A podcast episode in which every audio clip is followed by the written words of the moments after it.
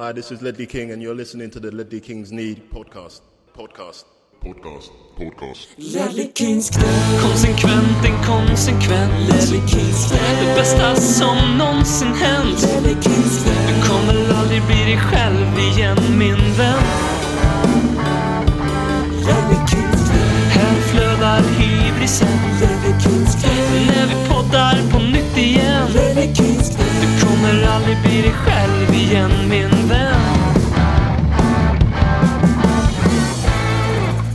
lyssnar på ännu ett fotbollsledley, nämligen avsnitt 303 av den värmländska radioteatern Ledley Kings knä. Den enda podcasten i världen som fokuserar på laget som spelar världens mest underhållande fotboll just nu. Eh, det sa jag ironiskt förra veckan. Lite mindre ironiskt den här veckan, men dock ironiskt. Och med mig har jag som alltid mannen som delar initialer med Ben Margera, Alexander BM. Välkommen! Den här referensen tar jag. Det är han i Jackass-klungan. Jag är inte säker om han är med original Jackass-grupperingen. Men han hade ju någon spin-off-serie där. Och en nära vän som körde ihjäl sig. Och Rest in Peace Ryan Dunn eller vad han nu hette. Jag kommer inte ihåg. Jag kan blanda ihop honom med Ja, det, stämmer, det stämmer helt rätt faktiskt. Du har bra koll. Jag tänkte du skulle annars droppa liksom med Borås Metall eller något sånt där. Men eh, Bam Margera, det tar man ju. Det, Ja. Lik sin far. Hoppas han inte åldrades som sin far. Ni som har sett det här vet ju att Bams pappa var korpulent. Jag ska, eh, kan man nog säga. Ja, ja. har ju inte riktigt följt upp i familjen Margera här senaste Nej. tio åren. inte, men- ben Marger är inte med i Jackass 4 som jag precis såg här, eh, här om veckan faktiskt. Lite synd att han inte var det. Hur, hur, hur kommer man till beslutet att se på Jackass 4? Eller är den helt ny liksom? Nej, den, ja, den är ny. Den kom för Ja, ja, men då- någon, då är det må- lite någon, mer- någon månad sedan. Jag Eh, tänkte om det här var liksom någonting som kom ut 2014. Så nu helt plötsligt så bara bam, nu ska jag se den, den här. Nej, men i och med att den kom ut så har jag kollat igenom de gamla Jackass-filmerna. Också. Eh, och det är ju, trots att man är liksom ja, betydligt mycket äldre än vad man var när man började se på Jackass så är det ju fortfarande kul.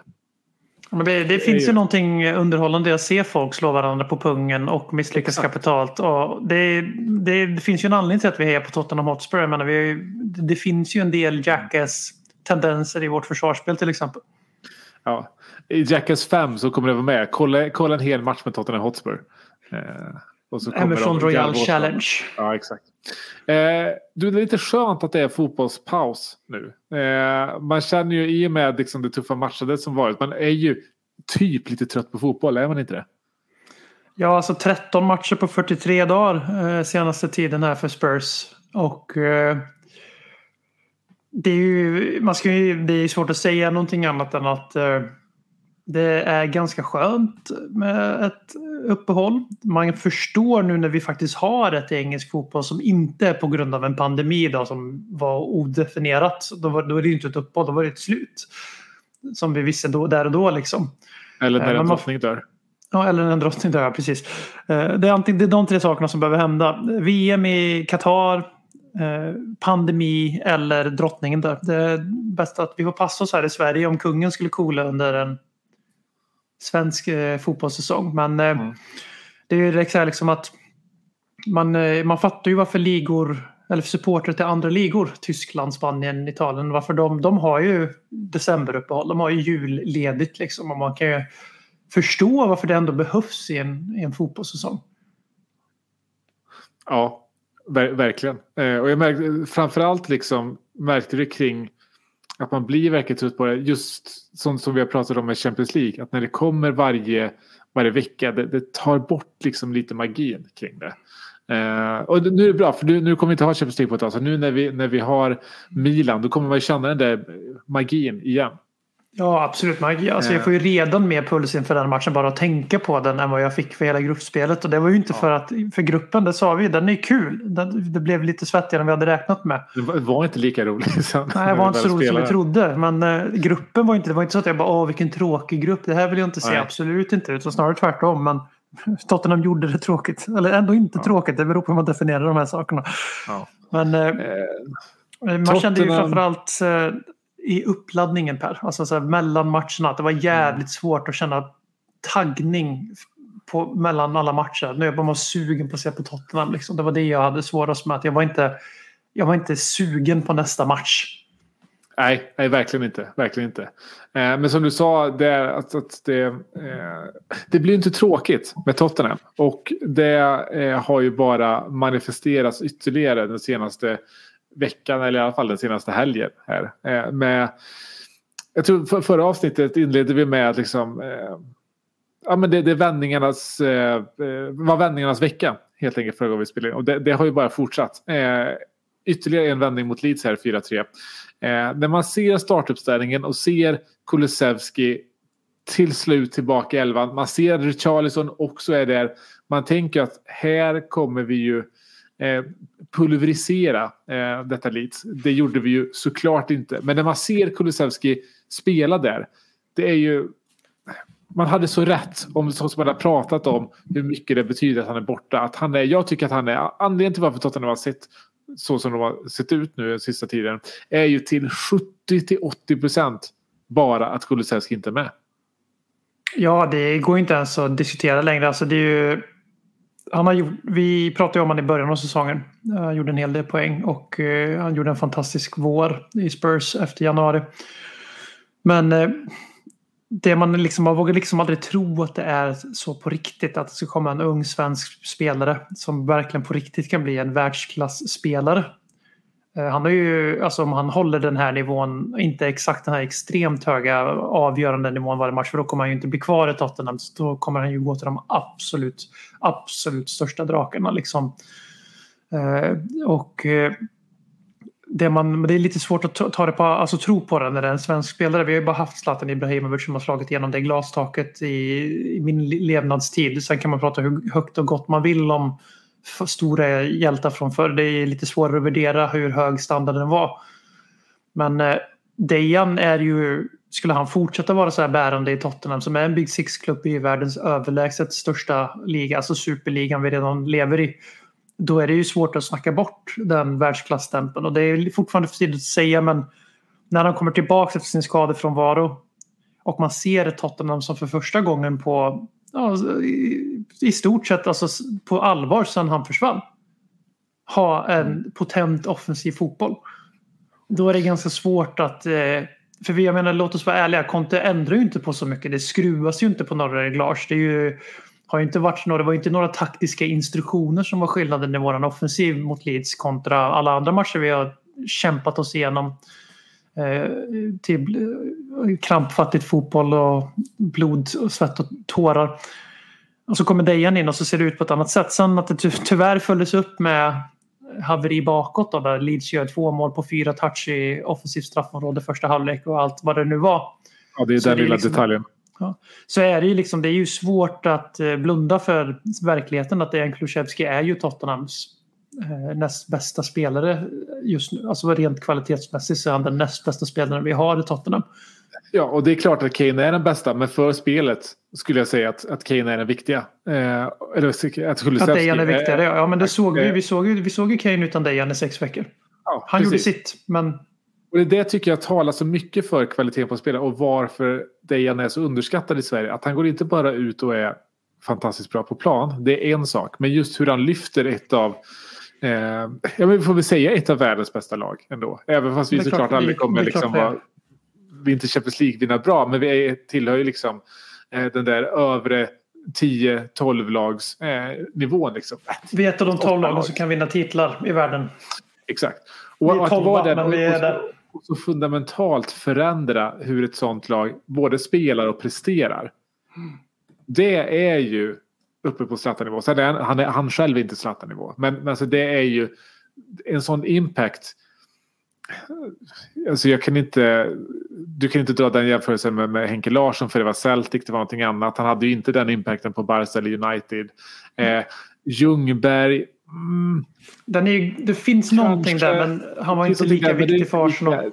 Alltså, Dejan tycker jag här och nu har ju ett större avtryck på Tottenham och, och sättet att spela än vad, än vad Ljungberg hade i Arsenal. Sen kanske det hade att göra med att det, Arsenal då var mycket mer liksom harmonisk grupp. Det fanns många fler alternativ.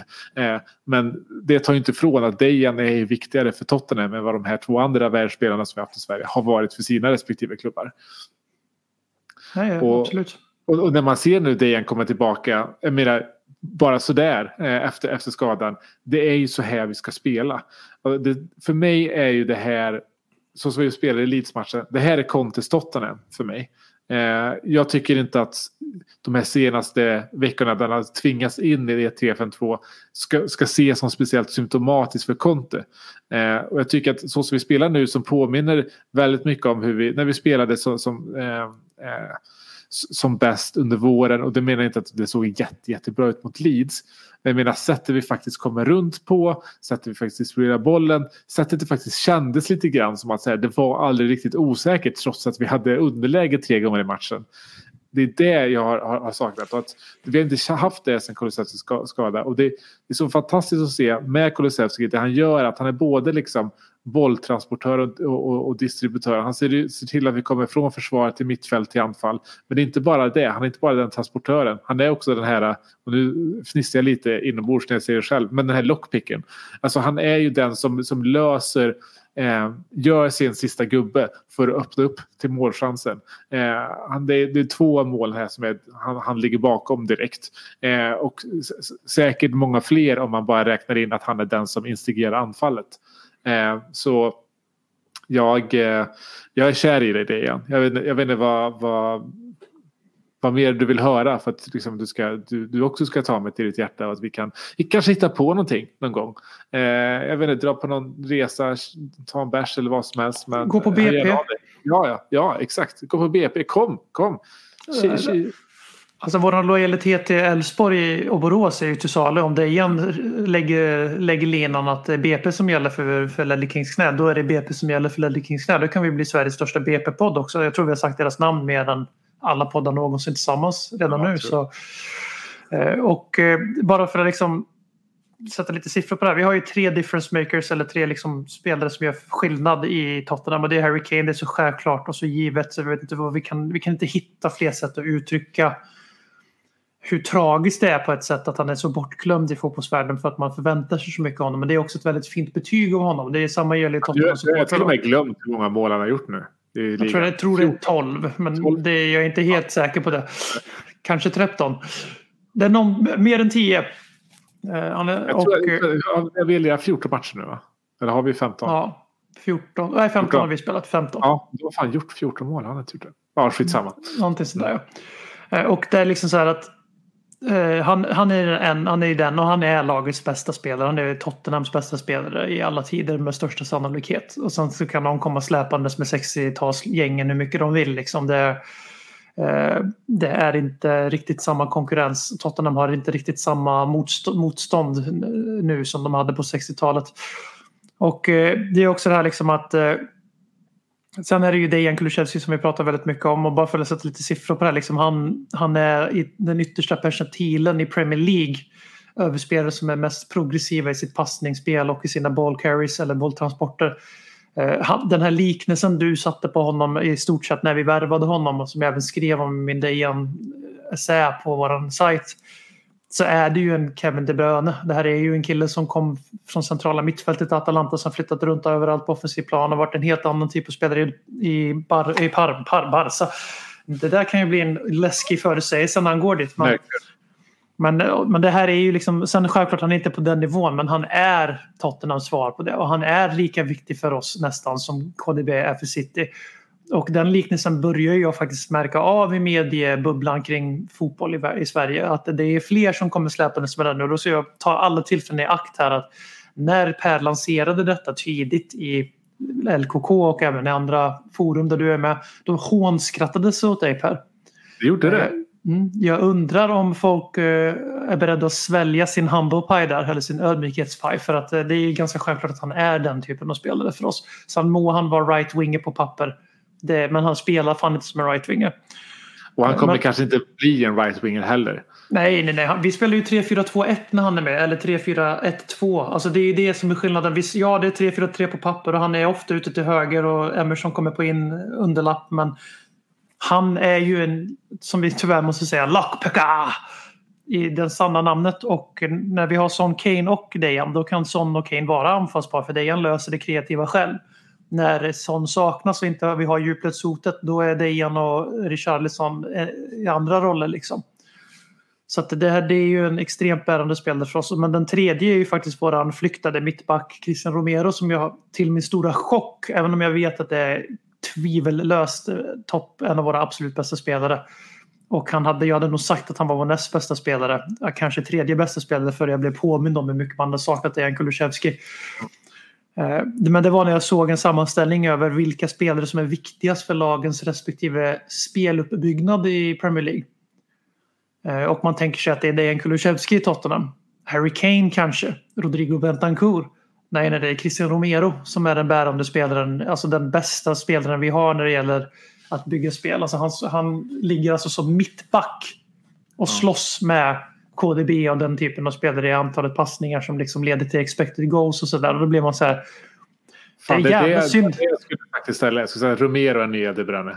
Det var där Ja, min, min lilla, lilla spaning svaja. Men det, det är det som är det roliga här också. Att det, man, man blir liksom, man blir påmind om, vi kommer komma in på det kanske, men man blir lite påmind om att fan vad synd det är att hans pass är argentinskt.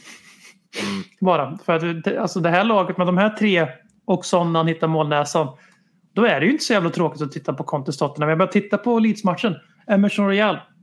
Klappkass eller medioker som han egentligen är, men vi säger klappkass för vi har högre förväntningar. Inte särskilt bra match. Men jag har inte sett han vara så offensivt involverad och faktiskt vara ett hot om man inte vet vad som händer när han väl får bollen i straffområdet. För det vet ju vi, men motståndarna kan ju inte gärna låta honom stå helt fri vid straffpunkten. Eh, Nej, det- det gjorde Leeds- de dock. Leeds lät ju honom göra det. Han sköt 15 meter över så. Men det jag reagerade på var hur extremt tydligt det var att självförtroendet hos Emerson Royal när han kommer över mittlinjen det växer så in i helvete när han har Dejan Kulusevski med sig. För att även om den här taktiken liksom att stänga ner våran vänsterkant, alltså Son och Perisic som det oftast har varit, för att man kan släppa högerkanten, framförallt när Dejan inte är med. Det går ju inte när Dejan är med och till och med Emerson Royal såg lite halvfarlig ut. Men eh, jag hoppas ju fortfarande att vi får se den här Ir- irlandssvenska alliansen blomma en vår nu när eh, vi har Dejan tillbaks och Doherty typ kanske eventuellt finns. Ja, och det, den, eh, den, den tror jag ju mycket på. Jag tycker det är konstigt att vi inte har fått se den mer det här året såklart. Men nu när det måste ju, nu måste ju liksom, det måste ju vara så att, att Doherty är helt fit efter sin skada. Ja, det vore ju Kulusevski sanslöst annars. är det. Eh, jag, alltså jag kan inte, det hade varit väldigt, väldigt konstigt om vi går in i liksom eh, ja, Boxing Day-matcherna, jul, jul, jul och nyårsmatcherna och de inte kamperar tillsammans. För det var ju, det som var så bra när de kamperade ihop var ju att, eh, att, att dels att det var så jävla bra, men just också det att det som Doherty gör som inte Emerson kan göra är att Doherty går in i banan och blir som en extra tia när Mm. det är Dejan slickar, slickar kant. Och, och, och det gör att vi får ju inte den här, vad ska vi, säga, vi blir inte lika överbemannade på mitten eh, som vi blir när Emerson måste slicka kant hela tiden. Eh, så det, vi, vi får många fler eh, eh, verktyg i anfallslådan när vi har Doherty eftersom att han också kan gå in i banan. Och då kan vi ha den där överlappningen mellan de två. Eh, det kan vi ju inte med, med, eh, med Emerson.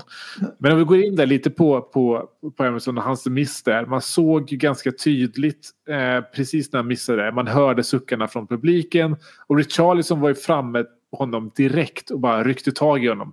För man märker ju att den, det här håden och liknande som börjar komma mot honom. Man märker att det där har ju satt sig i honom, i, i, hos han själv nu. Eh, han, han reagerar ju på det. Eh, han är ju självklart, om vi summerar den här första tredjedelen av säsongen. Eller vad det är, han är ju den stora hackkycklingen. Och det, det, man Han känner är inte det. den största han besvikelsen.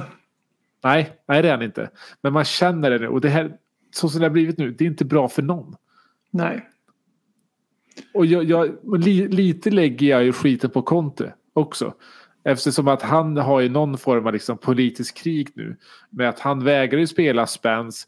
Eh, han vägrar till viss mån också spela Doherty Mm. till förmån för, för Emerson. För att visa att jag behöver en ny höger wingback. Men det går, det går ju inte att se på något. Alltså så här för, nu ska vi vara ärliga här. Alltså jag, när jag säger att Emerson inte är den största besvikelsen.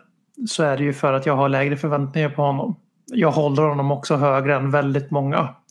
Eh, det betyder inte att jag håller honom särskilt högt. Man måste klara av att se nyanser i det här. Men det som har oroat mig lite med alltså det som vi har sett förutom den här rena skära alltså mobbningen eller trakasserier eller vad man nu ska kalla det för någonting. Liksom så här.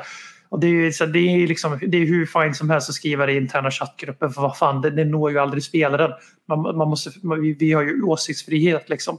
Men när man jublar eller gör en så, så kallad Bronx share när en spelare blir utby, utbytt eh, i, i sitt eget lag, då har det gått jävligt långt. Och då tycker jag det är på en nivå där det är liksom osmakligt om jag ska vara krass. Men det är som du säger, det är Conte som har satt Emerson i skottlinjen. För vi alla är väldigt rörande överens om hans begränsningar är. Jag personligen ser inga problem med honom i truppen, även om jag kanske hellre hade sett att vi inte hade honom i truppen då eftersom Conte uppenbarligen tycker att han är hans bästa alternativ. Och att det är som du säger symbolpolitik. Om det här är mitt bästa alternativ då, då måste det in någonting. Och, och det är ju tydligt för vi har sett båda kamperna ska vi vara ärliga med här. Perisic har ju statpaddat ganska bra med sina fasta situationer men han har inte heller levt upp till förväntningarna. Eh, inte ens i närheten hos mig, sen hade jag väldigt höga förväntningar på honom. Ryan Sessignon också lite hackkycklingsyndrom. Jag tycker han har haft en bättre säsong än många eh, andra. Men han är ja, svårt att se honom bli särskilt mycket mer än vad han är nu. Eh, och sen har vi Emerson som är tokgiven till höger. Eh, När jag såg sammanställningen över spelade minuter i Tottenham eh, och såg att han faktiskt bara var sjua eller åtta mest använda spelare. Då blev jag helt ställd. För att jag tänkte, han, fan jag trodde han var topp fem. Men sen så kom jag ihåg att han var ju avstängd i tre hela matcher. Och han har ju vilats, han har ju vilats i Champions League för att kunna spela i Premier League. På eget bevåg han är sjua och inte trea. Ja, men precis. Och eh, det, det, man liksom, han har inte instinkterna för att spela wingback i Premier League i ett kontosystem. Han har definitivt andra kvaliteter som är betydligt bättre än Matt Doherty. Det går någon så här debatt om att Matt Doherty är bättre än honom defensivt. vilket Jag, kan inte, alltså jag skrattar åt den. Det är bara att kolla på Nottingham Forest-matchen för guds skull. Men det är liksom, han ska inte vara en defensiv spelare så som jag vill se Conte spela och Tottenham spelar, Då, då ska inte Emerson Royal gå in i en startelva för att han har defensiva kvaliteter. Vi behöver inte fler spelare med defensiva styrkor eller signum. Eh, relativa sådana. Utan vi har ett centralblock med fem gubbar. Det ska räcka mot de allra flesta lagen. För man, även om man inte är så bra defensivt, så länge man ligger i rätt i positionerna så blir det ganska många personer att spela sig igenom. Och vi hamnar ju i en 5-4-1 när vi försvarar ganska ofta och det ska räcka. Man ska kunna dölja en svag defensiv hos sina ytterbackar eller wingbacks. Eh, framförallt när Perisic och Sessignon faktiskt är ganska duktiga båda två i defensiven. Eh, men han sätts hela tiden i situationer där han bes, ombeds att göra saker han inte kan. Och eftersom att han då, då blir han symbolen för allt som har hackat i Tottenham. Där det kanske borde vara Jong Min-Son. Kanske borde vara Hugo Lloris. Kanske borde till och med vara eh, någon av mittbackarna. Men sen ska vi vara ärliga mot oss själva. Han har ju inte heller samma förtroendekapital som alla de här namnen jag rabblar upp. Så det är ju en ganska rimlig hackkyckling på ett sätt. Om man nu tvunget ska ha en. Men eh, man blir ju förfärad över Jed Spence-situationen här. För att, så det, om det är någonting som det har skrikits eh, av hela säsongen så är det ju behovet av att ha en högerkant som fungerar med men också utan Dejan Kulusevski. Och de här fem, sex veckorna, 10-12 matcherna vi gick utan Dejan och i Premier League och med Emerson Royal då blir det ju liksom så hårresande uppenbart att så länge vi har den här högerkanten så kommer vi aldrig vara ett reellt hot mot Arsenal och Manchester City den här säsongen. Och nu är ju försprånget så pass stort så jag tror att det, det loppet är redan kört. Eh, och till, till stor del så tillfaller ju det tyvärr på våran högerkant. Och i det, så man vill ju inte låta som en trasig grammofonskiva när man, när man, när man snackar om, om, om, om Jet Spence. Och man, man vill ju inte heller vara den supporten som bara Åh, spela honom då, spela honom. Ja, för Men vi vet är ju för lite. Vi vet ju egentligen för lite om honom. För Ja, det. men det är också det som är grejen. Ja. Alltså att vi vet för lite. För att säga, när, han, när han väl får chansen, han har ju inte gjort bort sig.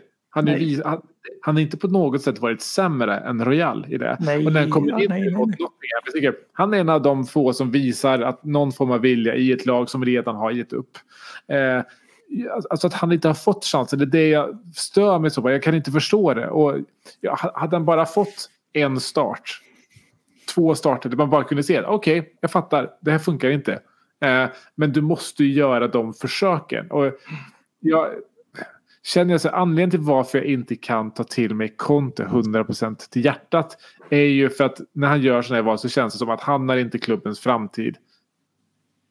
Klubbens bästa i framtiden i sitt liksom Nej. i, i, i, i, eh, i, i, i, i korten så att säga. Utan han, han går, eh, jag vet inte ens om han går kortsiktigt heller. Jag vet inte, jag vet inte åt vilket håll han går. Man, jag vet, om jag ska välja, jag vet inte vad kort och långsiktigt är längre i fotboll. För det, jag tycker att det börjar stadigt komma ner till att tre år är ett långsiktigt projekt.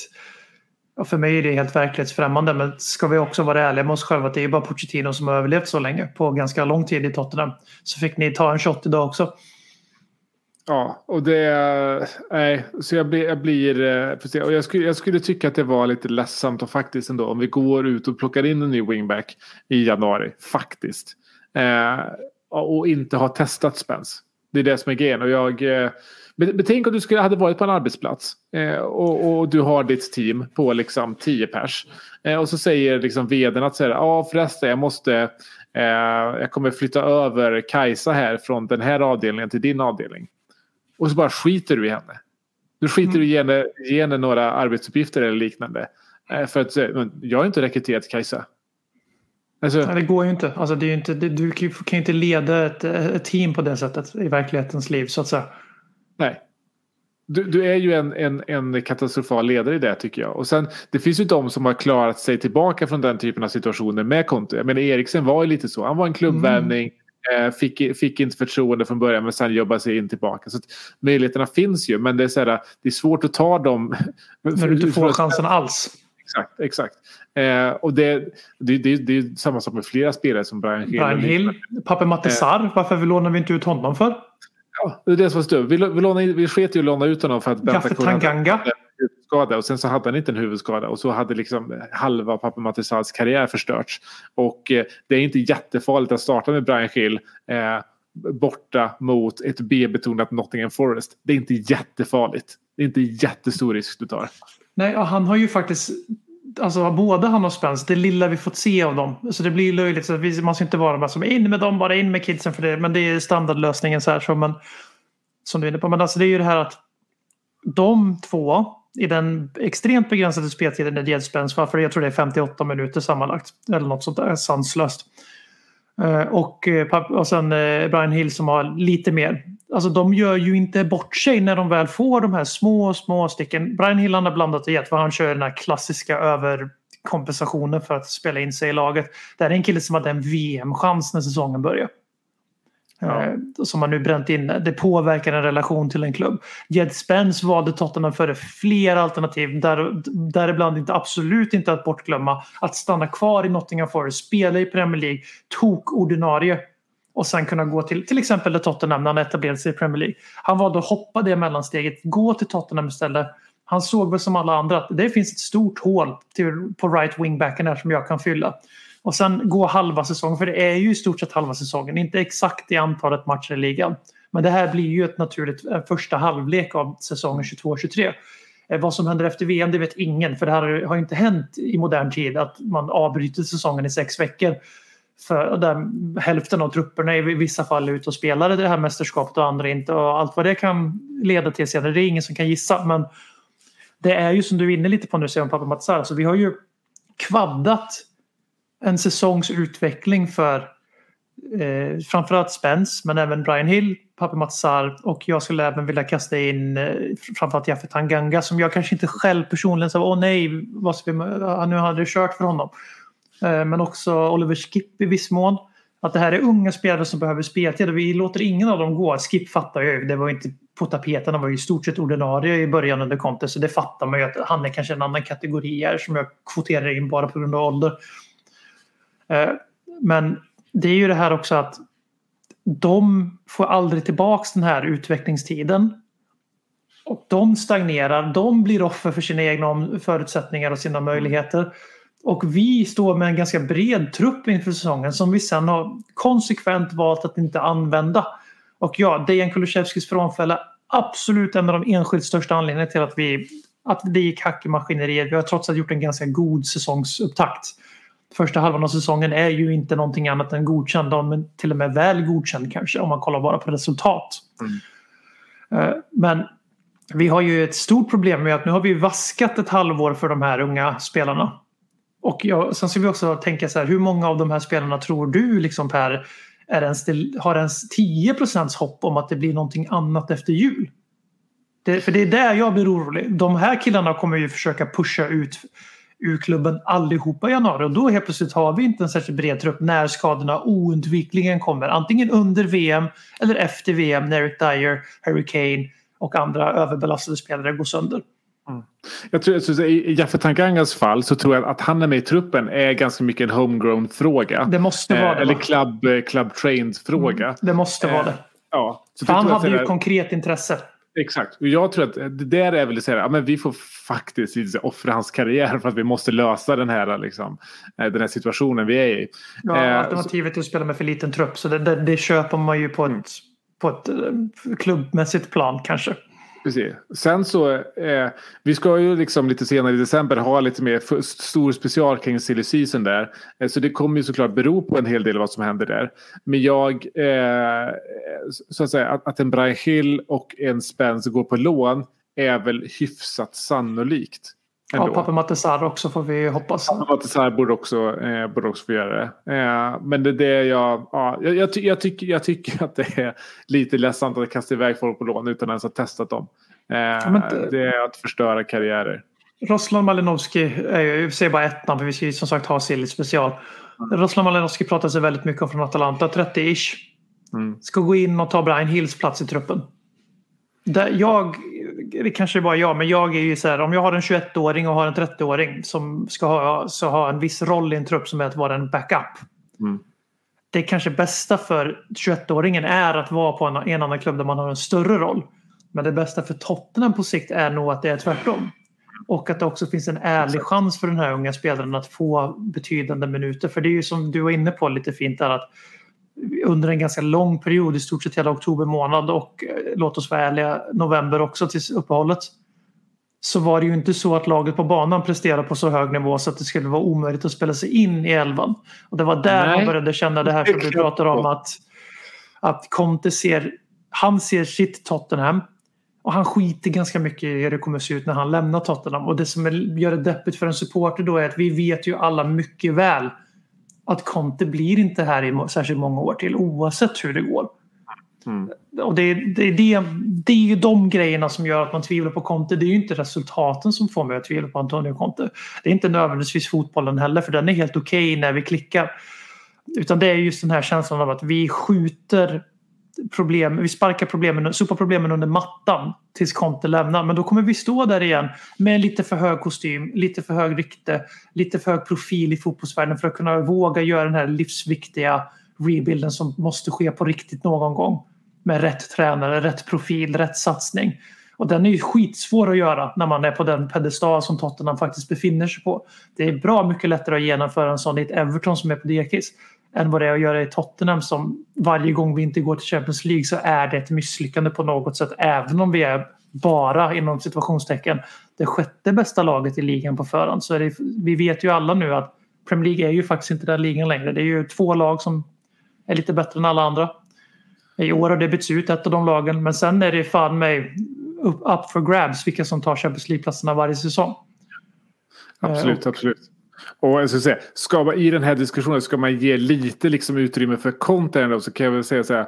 Ja, det är klart att så som det har sett ut nu eh, så är det lite svårt att kasta in en, en du inte riktigt litar på till 100% när vi Ja. hela tiden måste Ja, ja. jaga en match. När det hela ja, tiden absolut. hänger på att vi gör mål i 96 minuten. Då är det svårt. Men, men det, det som gör mig så irriterad nu är ju kanske framförallt Nottingham-matchen. När Mm. Nottingham roterar nio spelare och vi Vi går roterar dit med... fem, fyra, fem. Ja, varav Loris är det ena. Ja, Eh. och sen John Perisic är ju båda två är lika ordinarie så den räknas ju inte heller den rotationen. Nej. Eh, så att det, det, är det som... gör mig så frustrerad. Att säga, man vill åka ur i den matchen. För man vet Ja, att det- säga, det okay, fjärde omgången kommer vara dagen efter VM-finalen. Mm. Eh, ingen jävel kommer bry sig om den matchen. Vi, vi kommer förmodligen få något liksom Crystal Palace-lag som är mer taggade på den matchen och slå ut oss. Eh, så att, att vi åkte ur det, det, ser jag bara lite som en blessing in disguise. Men det är sättet vi gör det på. Ja. Eh, det här hade kunnat vara den matchen för en Jed Spence.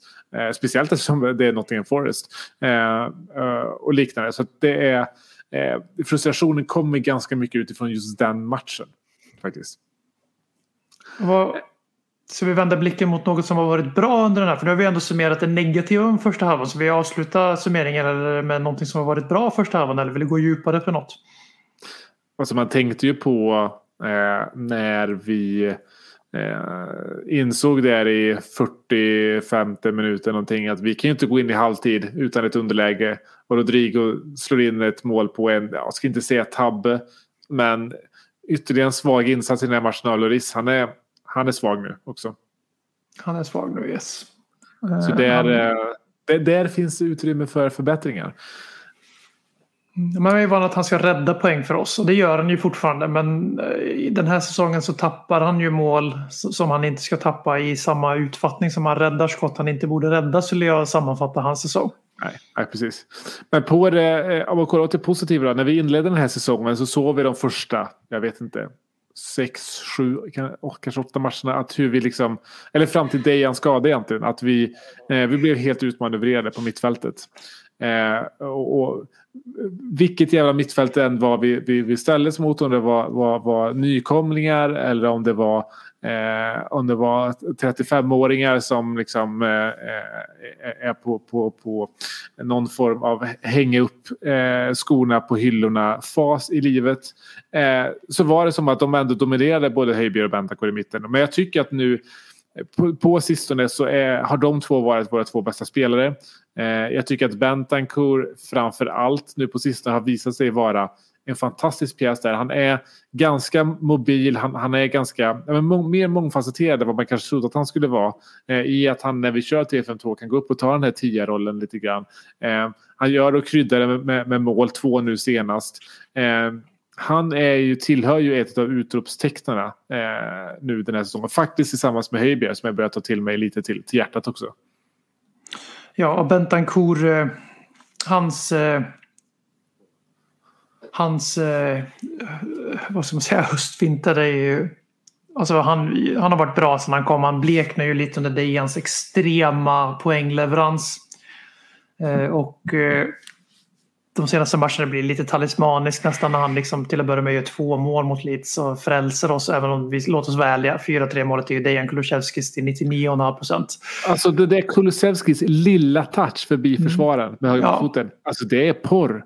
Mm, verkligen. Och det är därför det är ju därför försvararen ramlar liksom efteråt. Och, ja, det, alltså, Ankle breaker. Jag, ja, exakt. Jag, jag kollar inte målet. Jag kollar bara den Nej, jag slutar av. Jag, jag, tittar, jag tittar på Leeds-spelaren som ligger förnedrad. Jag, tittar, för jag vet ju att den kommer gå in bollen. Alltså, Jag har sett det live. Så att jag, jag, jag, min blick fastnar vid den här handfallne stackars Leeds-support, äh, för, för, för försvararen.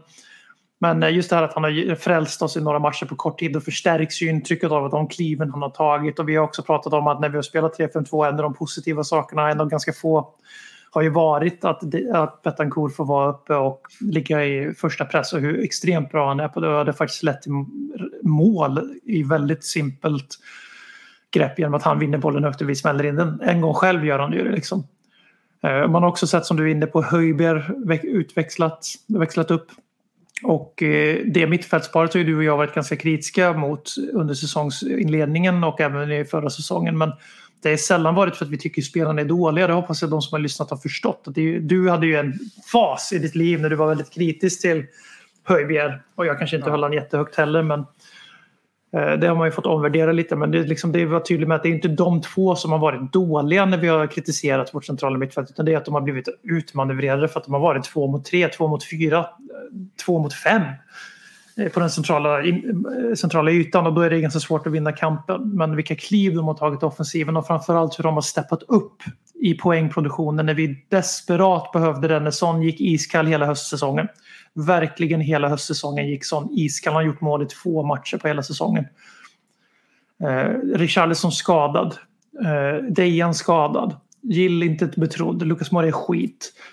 Då har ju de liksom frälst oss tillsammans med Harry Kane. Vi hade ju varit avhängda i Champions League-race. Vi hade ju varit eh, där nere och vänt med Liverpool trots att vi har spelat fler matcher utan de två. Eh, och det ska vi komma ihåg i vår att om vi löser topp fyra så är det ju, då är det ju Harry Kane, Dejan Kulusevski och de två som har gjort det. Och så eventuellt någon januariförvärvning. Så det, det, det ska de ha mycket beröm för. Och Conte ska ha mycket beröm för att han har låst upp de här delarna i deras spel. För Betancourt var ingen poängmaskin i Serie A. Höjberg har aldrig varit en poängmaskin i klubblagsspel. Så att där har han ju lyckats. Och han hade ju samma eh, nycklar med, till Eric Dyers storhet fram till de sista, sista månaderna. Och eftersom vi spelar så mycket matcher som vi har gjort på kort tid så förstärker det alltså, signalerna över att man har sett Dyer ha en dålig säsong. Men egentligen har Erik Dyer haft en dålig månad. Och vi väldigt snabbt så glömde vi bort ett extremt starkt år under Conte. Li- li- Lite så. Man får inte glömma, man ska inte glömma bort att han har slagit sig tillbaka i det engelska landslaget under den här liksom, hösten. Mm. Eh, men, men man har den där liksom, li, lite bitter eftersmaken i munnen eh, med de senaste veckorna. Men ändå gör, gör att man tänker så här, fan, det är, det är nog där i backlinjen vi ska uppgradera. Ja, ja alltså det, man har ju insett, blivit påmind. För alltså vi var ju, man var ju lite missnöjd inför säsongen att det bara blev Langlais. Mm. Han däremot har ju växt på slutet. Han har ju hittat sitt taktiska. Absolut. Absolut. Eh, och, eh, men nu har man ju fått en nyttig påminnelse om att vi är minst en mittback ifrån ett färdigt... Alltså vi, är, vi har två platser kvar i fembackslinjen när vi försvarar. Eh, från, från att vara ett komplett lag som faktiskt kan utmana på riktigt om större saker tror jag. Vi kan vinna FA-cupen med nuvarande elva. Det är inte otänkbart. Men att vinna ligan eller gå väldigt långt i Champions League finner jag som osannolikt när när eh, det är egentligen bara en mittback som håller klassen konsekvent. Om nu inte Dyer visar sig att han hade en månad dålig form som det har varit och sen så hittar tillbaks efter VM och blir, då är han ju en toppback under konto. Och det här narrativet som nu kommer ut att han inte är det, att han är skit och att det, man läser tweets och inlägg om att det är samma spelare som svek Pochettino och nu andra shotten som svek Mourinho och nu svek, svek Nuno och nu sviker de Conte och, jag, och så räknar man med Dyer och Davinson Chances i samma andetag. Jag bara, Ja, fast det finns en ganska avgörande skillnad här. Att Antonio Conte fick Erik Dyers eh, välteklass välte klass ut i ett halvår. Och han började säsongen ramstarkt som hela Tottenham gjorde defensivt. Och sen så, så fluktuerade han samtidigt som laget gick ner sig i skiten. Och han gjorde en hel del trötthetsmisstag och en hel del överkompensationsmisstag när hans, hans självförtroende darrade. Men jag är inte redo att kasta honom på skräphögen än, men jag är däremot red, väldigt redo att antingen ta in en högklassig vänster mittback Eh, och ha Lenglet som mittbacks, eh, alltså alternativ till Dyer i mitten. Eller att vi köper någon som spelar centralt och eh, utmanar Erik Dyer och eller Christian Romero till höger. Mm, mm. Ja, verkligen, verkligen. Och, och nu, det känns, vi vi av, med Leeds-vinsten här, vi avslutar ju på bästa sätt såklart, inte bara med vinsten, men att vi går tillbaka till vårt gamla spelsystem. Vi märker att den funkar och kunna liksom, ja, kickstarta efter VM med den och bygga vidare på det. För lägger du bara till några, några liksom, eh, tillägg i januari, det, det ser ju väldigt bra ut. Men man har, liksom, trots spelet, ändå resultatmässigt har man ett bra språngbräda framåt nu. Och vi kommer att värva i januari. För att vi, de här 150 miljonerna som togs in för att höja värdet på aktier så att eh, Enix Inix skulle få ännu något procent ägande. De är ju faktiskt eh, upphängda i att man spenderar de här pengarna före juni 2023 som jag förstår det. Vilket betyder att de 50 ungefär miljonerna pund som är kvar av den här injektionen måste spenderas i januari i stort sett för att de, för de gjorde ju inte det här bara för att ge Paratici, eller Paratici 150 miljoner pund att köpa spelare för, tror jag. Utan eftersom att man även har ett annat syfte, man kan öka sitt ägandeskap i klubben. Som jag förstår det. Jag är inte insatt, jag kan inte det här egentligen, men det var jag läst mig till. Ja, men det är så det funkar. Så, så behöver man ju också spendera pengarna. Och då kan vi faktiskt räkna ganska kallt med att det kommer in en Bentancourt och en Kulusevski. För att de ska lyckas lika bra, det vore att kapa för mycket. Men om de gör det och Arsenal halkar, vilket är inte är os osannolikt. Mm. Då, då kommer vi vara med och slåss om det i alla fall. Dugligt. Ja, och man får bara hoppas att vi eh, så kan vara redo efter VM nu direkt på, Ja. på Boxing Day. Där. För det hänger ju lite på att någon av Kane och Richarlison får inte gå Så hela vägen. Liksom. Men kan vi, Ja. för jag tänker säga, Son kommer ju inte göra det. Eh, Bentancourt kommer inte göra det. Eh, Höjbjerg kommer kanske Ro- faktiskt det. Romero kommer kanske göra det, men han har vi fått klara oss utan ändå sista veckan. Alltså. Ja, och Sanchez var väldigt bra mot Leeds, tycker jag också. Mm. Eh, så att eh, det, eh, eftersom vi har nu liksom, eh, vi, vi har, vi har Kulusevski eh, eh, hemma, vi har, vi har alltså, Bissoma, vi har, vi har backlinjen. Eh, det har vi i och för sig inte. Eh, men vi har Longley i alla fall. Eh, vi behöver bara ha lite tur med att åka ut tidigt i, i, i, i- VM där för, att- för att kunna kickstarta. För det känns, nu, nu går man in med en bra känsla här i alla fall. Eh, och, och Son, för Son är ju tillbaka i träning nu. Man, man var lite orolig på hur länge han skulle vara borta där, men det var ju inte så speciellt länge. Ska, Eh, ska vi prata lite kort om det här med VM-skadorna? Låt oss. Jag har ju lärt mig att hata eh, Argentina eh, i alla fall. Det är ju alltså det, är- det, det är ett så pissigt landslag. Eh, för att allting, och det här är också, det här är också Messis fel. Alltså allting handlar ju för fel Argentina eh, att liksom vara, nu ska vi vara på tipptopp till Messis sista mästerskap. Så ingen, inte en jävel får spela några matcher eh, de, sista, de sista veckorna innan VM här. Ja, Det är ju för jävla, alltså, jämför Roberos inställning med hur Bentancourt har varit de senaste veckorna. Mm. Han har Spelar tagit ett jävla skott, alltså ett pistolskott i men han, har ju magen. spelat, han har ju spelat tydligt och gått och tagit sig för hamstring i flera matcher i rad. Och han springer Ja. som en idiot i 90 plus ändå. Och Romero hade ju inte ens liksom vågat knyta på sig skorna. Liksom. Nej, och det, är, det har ju blivit en meme det här med argentinska spelare och Tottenham. Och den, det baseras ju i sanning. Sen är det ganska mycket fiktion och banter givetvis. Eh, Och vi har ju ett ganska starkt band till Argentina. Från, vi är den första klubben som värvar argentinare. Bla, bla, bla. Sen har vi den där tränaren som jag inte ska nämna mer för ni behöver inte dricka ihjäl er här på min bekostnad. Mm. Men det är ju det här att eh, det som var så tydligt med Romero som gör att det blir, man får en dålig smak i munnen. Och det, jag kommer att slänga in lite andra namn i samma konversation här. Höjbjerg, Kane, Dyer, Bentancur, kärlek till dem för de har varit, de har varit beredda att offra VM-biljetter för Tottenham. Jag kan vara lite småsint och säga att jag tycker Kane har gått på sparlåga men sen ser man vem som har spelat mest minuter i laget så håller man käften om det bara. Eh, men eh, Romero har ju alltså bekräftats och Conte spelade med skadekänningar. Meme, haha, skadekänning. Det jag spelar ganska ofta. Så där. Jag förstår och respekterar egentligen spelares eh, motvilja att riskera att missa ett VM när man inte är 100% fit. Eh, det är lite som att bli tvingad att jobba när man är sjuk. Det gör man i, när det man måste, men inte fan gör man det en regnig onsdag i november om det inte brinner i krokarna på jobbet. Har man feber är man hemma liksom. Det här är väl deras motsvarighet. Men det som blir lite eh, vidrigt här är att vi har ju sett det här förut och nu tänker inte jag prata om skador man får på landslagsuppehav. För det är, ju- det är ju, vi kan inte i ena sekunden hylla spelare för att de spelar igenom kämp, krämpor som Bentancourt. Och sen säga att de ska ge fan i att spela för landslaget när, men, när de är fit nog för Tottenham om det hade varit match samma dag. Man måste respektera att de håller båda två lika högt. Det är inte deras fel att fotbollen utvecklas som den har gjort. Förut var det inte ens en diskussion. Landslaget spelar man för, punkt. Eh, Men nu, nu börjar det bli lite så för mycket med Argentina. För vi som har varit med i gamet här, vi minns ju hur våra argentinska och colombianska spelare eh, tvingades eh, vara på en jävla ö i Kroatien och träna för att gå runt pandemilagar när de var på landslagsuppehåll i rödlistade länder. Vi som har varit med minns hur, hur våra spelare i Argentina nästan blev arresterade i Brasilien för att de kom från ett land som i sin tur var Eh, rödlistade bla bla bla. Alltså, det har varit för mycket skit kring det argentinska FA och Tottenham och hur de har satt press på sina spelare ganska öppet att eh, sätta landet före klubben. Och de här spelarna har valt att göra det i vissa fall i viss utsträckning. Eh, och sen så vet jag rationellt att Conte givetvis aldrig i livet skulle tillåta Cristiano Romero att vägra spela om han kunde om, det på, om han verkligen kunde spela. Det fanns ingen risk för någonting. Conte har ju faktiskt sagt motsatsen.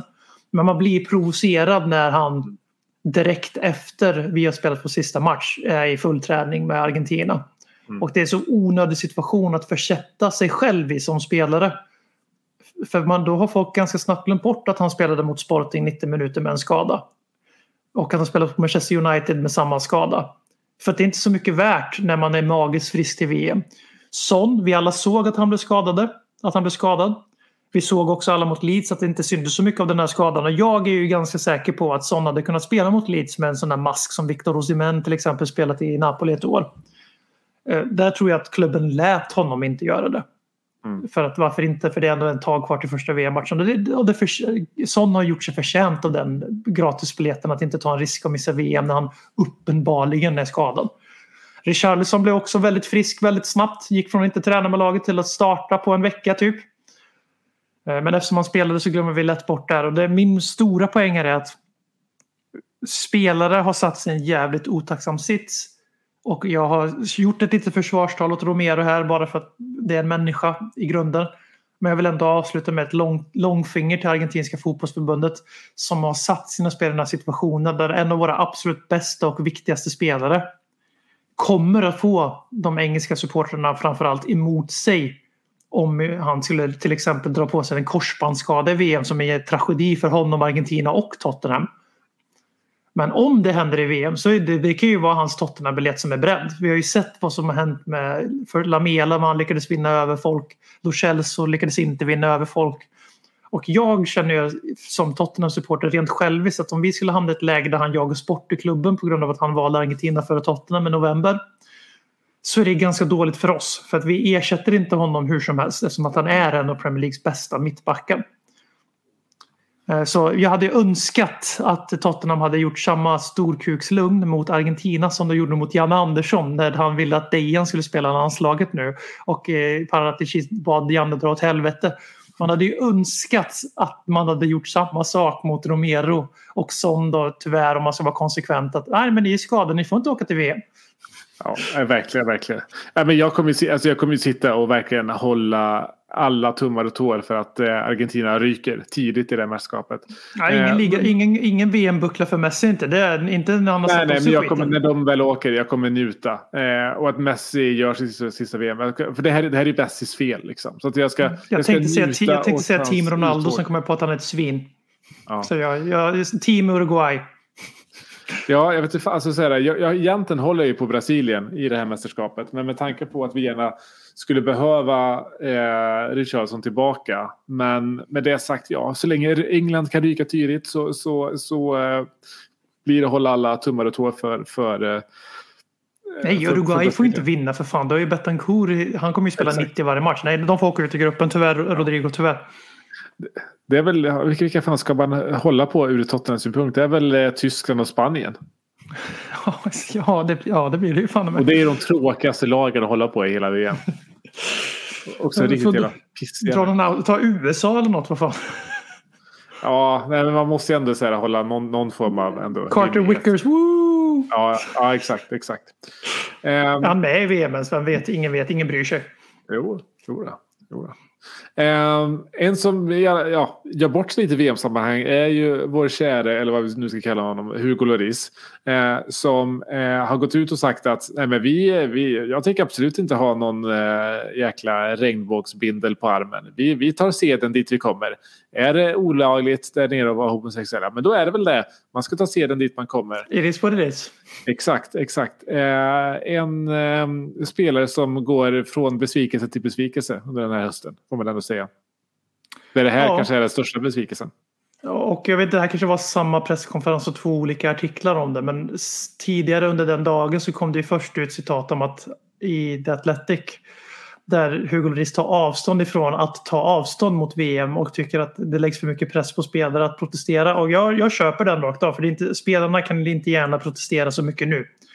Eh, Jag förstår de här tankebanorna om att beslutet bla bla bla men jag har lite svårt att acceptera att bara för att någon annan har sagt att någonting ska vara det kommer ske vare sig du vill eller inte så ska man inte reagera eller protestera.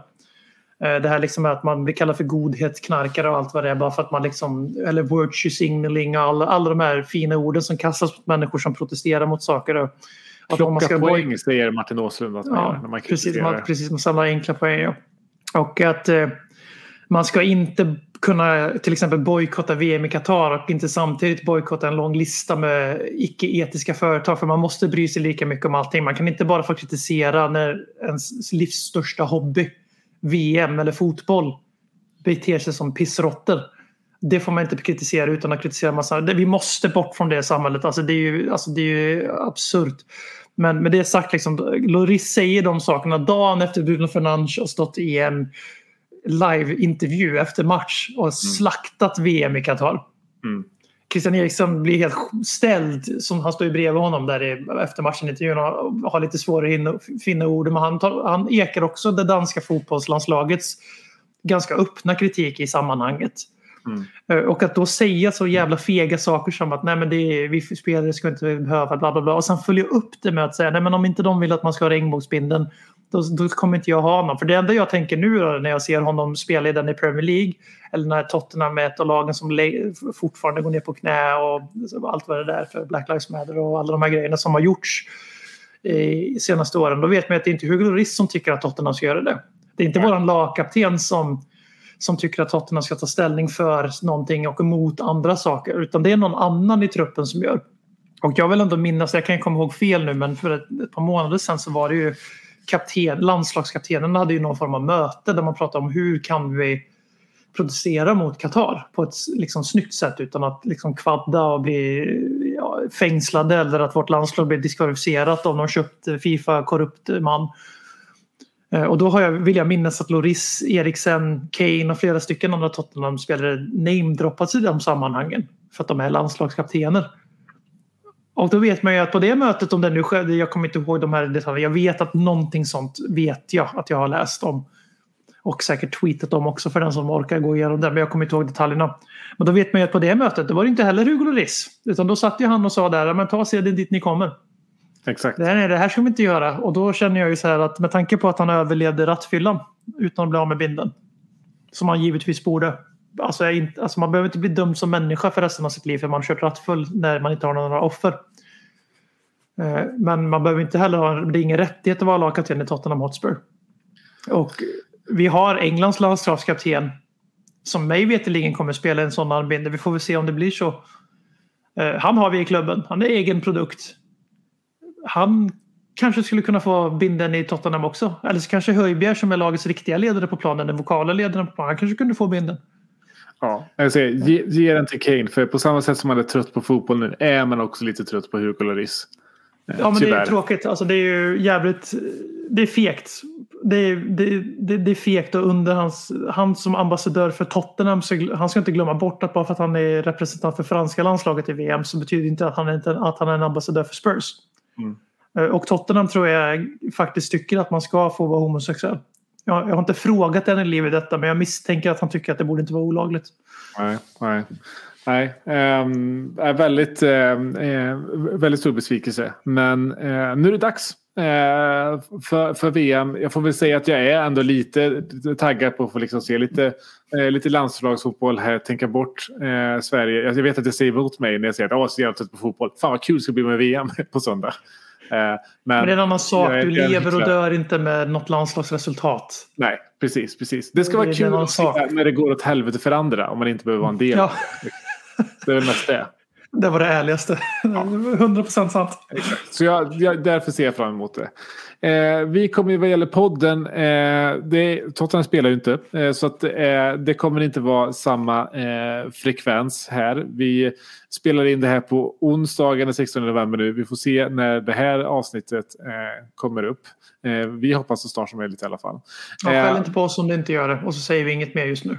Exakt. Eh, och, eh, men podden kommer komma eh, tillbaka innan vi drar igång igen. Vi kommer köra ett stort eh, Silly special eh, under december. Vi kommer också såklart att snacka upp åter, återstarten av Premier League eh, innan den drar igång. Så eh, eh ni, ni kommer höra från oss snart igen. Så om ni vill hålla koll på när, vi- när vi kommer tillbaka så är det såklart att följa oss i våra olika sociala medier eller prenumerera eh, på podden så, så, så missar ni ingenting. Och vi säger väl så så länge, eller hur BM? Ja, absolut. Och eh, bara för tydlighetens skull, det är ju liksom inte helt otänkbart att det kommer komma ut en podd eller två även under VM. Absolut, absolut. Så håll, håll, håll koll noga så hörs vi snart igen. Ciao! Ciao! Konsekvent, inkonsekvent Det bästa som någonsin hänt kommer aldrig bli dig själv igen min vän. Här flödar hybrisen. När vi poddar på nytt igen. Du kommer aldrig bli dig själv igen